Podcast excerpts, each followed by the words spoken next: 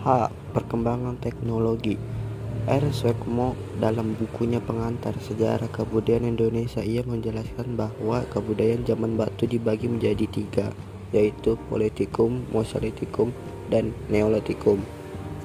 Paleolitikum atau zaman batu tua maka hasil kebudayaannya banyak ditemukan di daerah Pacitan, Jawa Timur dan Ngandong, Jawa Timur.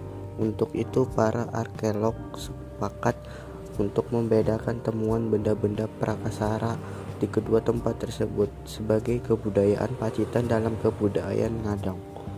Zaman Mesolitikum juga ditemukan fosil manusia yang berupa tulang berulang, pecahan tengkorak, dan gigi.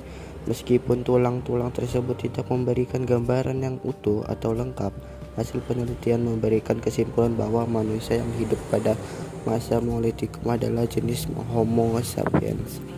Zaman Neolitikum kebudayaan yang lebih maju karena mereka mempunyai waktu luang untuk memikirkan kehidupannya hasil kebudayaan yang terkenal pada zaman Neolitikum ini adalah jenis kapak persegi dan kampak lancang.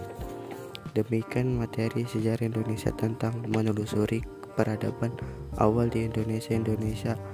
Apabila ada kekurangan lebihnya kami mohon maaf yang sebesar-besarnya dan terima kasih telah brand berensitipasi mendengarkan penjelasan materi kami. Assalamualaikum warahmatullahi wabarakatuh